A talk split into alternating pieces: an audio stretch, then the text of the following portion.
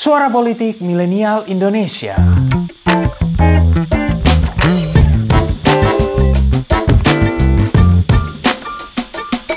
When I grew up, uh, Singapore was still a poor developing country. Our per capita income when we became independent was $500, the same as Ghana in Africa. Either you can say the misfortune or the good fortune of being born in a very poor family in a poor Singapore. Perkenalkan Profesor Kishore Mahbubani, seorang akademisi dan mantan diplomat Singapura yang kini menjadi salah satu pemikir prominent asal negeri Singa itu. Dalam cuplikan video yang barusan tadi, ia menjelaskan bagaimana Singapura yang dulunya menjadi salah satu negara paling miskin di dunia, kini telah bertransformasi menjadi salah satu negara paling makmur di dunia dengan pendapatan per kapita paling tinggi. Ya, bicara tentang Singapura memang seperti bicara tentang dongeng negara yang luas wilayahnya hanya separuh dari luas Pulau Samosir di Danau Toba, tapi kini menjadi salah satu negara paling maju. Optimisme untuk menjadi sebuah negara hebat seperti sekarang ini mungkin tak pernah terbayangkan ketika pemimpin negara itu Lee Kuan Yew menangis dalam sebuah konferensi pers di tahun 1965 karena tak bisa membayangkan bagaimana Singapura yang minim sumber daya alam bisa bertahan sebagai sebuah negara pasca keluar dari Federasi Malaysia. Hmm tahun 65 Indonesia justru sibuk dengan tragedi berdarah. Anyway, keberhasilan Singapura mengantarkan masyarakatnya keluar dari kemiskinan sebenarnya sama juga dengan yang dilakukan oleh Tiongkok yang berhasil mengeluarkan 850 juta warganya dari garis kemiskinan. Wow, Konteks angka kemiskinan itu kini penting untuk dibahas, mengingat pandemi COVID-19 berpotensi meningkatkan jumlah warga miskin secara masif di seluruh dunia, termasuk Indonesia. Oleh karena itu, kita tentu butuh resep menyelesaikan masalah kemiskinan ini. Menariknya, Singapura dan Tiongkok ternyata menerapkan resep yang mirip-mirip dalam pengentasan kemiskinan, yakni Magic MPH meminjam istilahnya Profesor Kishore Mabubani. Lalu seperti apa resep yang satu ini? Mari kita mulai.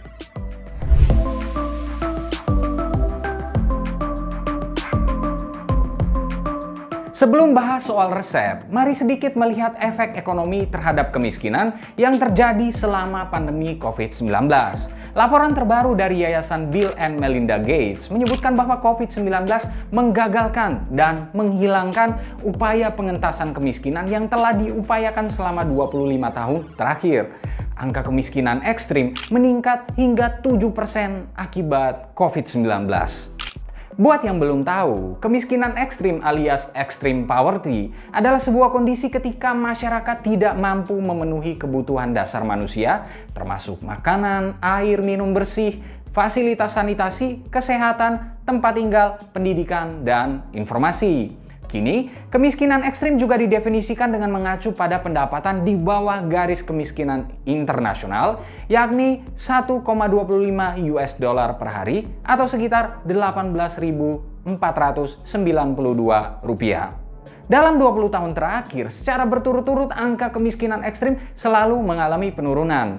Namun akibat COVID-19, sekitar 40 juta orang diperkirakan akan kembali ke jurang kemiskinan ekstrim tersebut. Bahkan di pekan pertama virus ini menyerang, diperkirakan satu juta orang masuk ke jurang kemiskinan ekstrim tersebut. Wow. Di Indonesia sendiri, riset dari Bappenas menyebutkan bahwa jika proyeksi pertumbuhan ekonomi 0% itu terjadi, maka ada sekitar 3,6 juta orang yang akan masuk ke kelompok penduduk miskin. Jumlah ini berpotensi makin besar mengingat pertumbuhan ekonomi Indonesia sempat berada di bawah 0% alias minus. Ini akan menambah daftar angka kemiskinan di Indonesia yang menurut Badan Pusat Statistik telah menyentuh angka 9,78 persen alias 26,42 juta jiwa pada Maret 2020 lalu. So, how we deal with this problem? Well, kemiskinan akan selalu jadi momok bagi pemerintah di banyak negara. Kapitalisme ekonomi yang masif memang pada akhirnya melahirkan jurang pemisah antara yang kaya dan yang miskin. Dan karenanya, jika menggunakan garis pemikiran kaum Keynesian, negara atau pemerintah sudah selayaknya menjadi kunci utama pemberantasan kemiskinan tersebut. Kishore Mahbubani sebagai salah satu pemikir yang dikenal dengan konsepsi kebangkitan Asia menunjuk Tiongkok sebagai contoh utama proyek pengentasan kemiskinan. Negara tirai bambu ini disebutnya telah melakukan proyek yang ia sebut awalnya dianggap mission impossible alias misi yang tidak mungkin untuk membawa 850 juta penduduknya keluar dari kemiskinan. Upaya ini terjadi dalam kurun waktu 40 tahun dan menjadi tonggak sejarah besar karena menghapus total 70% kemiskinan dari seluruh dunia.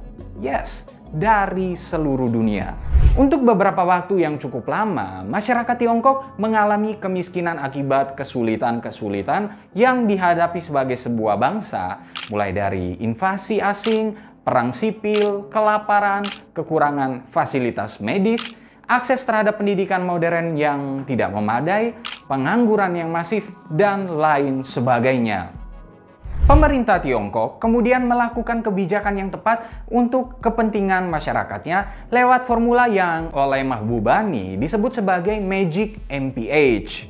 MPH sendiri merupakan kepanjangan dari meritokrasi, pragmatisme, dan honesty alias kejujuran Formula ini memungkinkan Tiongkok sampai pada kebijakan ekonomi yang benar-benar menyentuh masyarakatnya sendiri.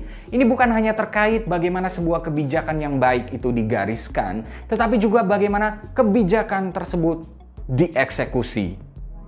Konteks meritokrasi misalnya sangat terlihat dari bagaimana sekalipun pemerintahannya secara politik masih komunis sosialis, namun memberikan ruang-ruang yang terbuka untuk persaingan individu di masyarakat demi mengeluarkan kemampuan terbaiknya. Banyak dari orang-orang terbaik dan tercerdas di Tiongkok bekerja untuk lembaga-lembaga di pemerintahan. Karena sentralisme kekuasaan, pemerintah memang bebas memilih orang-orang terbaik untuk duduk di pemerintahan. Akibatnya, setiap rumusan kebijakan akan selalu datang dari otak-otak yang brilian. Dengan demikian, peluang untuk kebijakan publik yang buruk menjadi sangat minim. Ini juga terjadi pada perusahaan-perusahaan swasta loh. Contohnya brand drone terkenal DJI melakukan acara rutin RoboMaster, semacam lomba robot untuk anak-anak muda yang pemenangnya akan direkrut jadi karyawan DJI. If you are good, you get the job. Sementara konteks pragmatisme itu sendiri terlihat dari bagaimana Tiongkok menyerap semua hal dari seluruh dunia untuk kemudian diproses dan digunakan demi menyelesaikan persoalan-persoalan yang dihadapi oleh negara tersebut. Deng Xiaoping misalnya cukup pragmatis ketika mengadopsi keterbukaan ekonomi dengan slogan terkenal tak peduli kucing hitam atau kucing putih, yang penting bisa menangkap tikus. Pragmatisme ini pula yang awalnya membuat Tiongkok dikenal sebagai negara penjiplak alias imitator sebelum kemudian bertransformasi seperti sekarang sebagai negara yang terdepan dalam hal inovasi. Well, kita tahu brand seperti Xiaomi dulu dituduh sebagai penjiplak Apple. Tapi sekarang Xiaomi adalah salah satu brand teknologi dengan inovasi paling banyak. Sementara konteks anesti atau kejujuran bisa dilihat dari bagaimana pemerintah Tiongkok sangat tegas dalam penegakan hukum dan pemberantasan korupsi. Hukumannya sangat berat dan efek jerah yang ditimbulkan membuat semua orang takut untuk melakukan perbuatan tersebut. Ini membantu pemerintah menjamin pelaksanaan program dan kebijakan bisa terjadi tanpa gangguan penyelewengan yang dilakukan oleh aparatur negara dan stakeholder yang terlibat di dalamnya. Formula MPH ini kemudian menjadi lengkap ketika pada tahun 2001 Tiongkok masuk menjadi anggota WTO dan sepenuhnya mengambil keuntungan dari ekonomi pasar bebas global. Ibaratnya sebuah kisah dongeng The Impossible akhirnya mendapatkan pemenuhannya. Kisah MPH ini juga dilakukan oleh Singapura dengan prinsip yang sama. Tidak heran juga negara tersebut akhirnya sampai pada titik seperti sekarang ini. Lalu bagaimana dengan Indonesia? Well, boleh dibilang idealnya MPH ini memang menjadi resep utama negara seperti Indonesia untuk membawa 26,42 juta warganya keluar dari angka kemiskinan. Sayangnya, hal ini tidak mudah terjadi di negara ini. Pasalnya, ada perbedaan kondisi sosial dan politik yang membuat MPH sulit untuk diterapkan. Mulai dari konteks politik yang jauh lebih dinamis, masih adanya kekuatan oligarki politik yang jauh lebih kuat dibandingkan penguasa atau pemerintah yang sah, dan lain sebagainya. Akibatnya, meritokrasi tidak bisa dijalankan secara maksimal. Banyak anak-anak bangsa yang brilian justru bekerja untuk swasta ketimbang pemerintah atau bahkan bekerja di luar negeri. Meritokrasi juga terbentur oleh sistem yang tidak jujur dengan KKN yang mendarah daging hampir di mana-mana. Poin honesty dengan sendirinya menjadi gugur karena persoalan penegakan hukum dan pemberantasan korupsi selalu berbenturan dengan masalah politik. Sementara pragmatisme yang sebetulnya ada di diri Presiden Jokowi, demikian karakternya digambarkan oleh banyak scholar dari Australia, tampaknya tidak menular cepat ke para pengambil kebijakan yang lain. Misalnya, kita terlalu sibuk berdebat tentang siapa yang Pancasilais, siapa yang komunis, siapa yang mendukung khilafah, dan lain sebagainya, hingga melupakan hal-hal yang esensial dari pembuatan kebijakan publik yang efektif. Soal COVID-19 saja kita masih berdebat tentang bercanda atau serius, kesehatan atau ekonomi, dan lain sebagainya. Akibatnya, tak ada celah bagi kebijakan yang brilian dan tepat sasaran yang bisa muncul dari dalamnya. Jika demikian, apakah terlambat bagi Indonesia untuk belajar dari Singapura dan Tiongkok tentang hal ini? Well, tentu saja tidak. Yang dibutuhkan adalah keinginan yang kuat untuk membawa bangsa ini keluar dari keterpurukan. Nah, bagaimana menurut kalian? Seperti apa kalian melihat formula MPH ini dalam konteks pembangunan ekonomi Indonesia? Terima kasih telah mendengarkan episode kali ini. Nantikan episode-episode selanjutnya dan jangan lupa untuk kunjungi pinterpolitik.com untuk dapatkan informasi seputar fenomena politik di Indonesia. See you next time and bye-bye.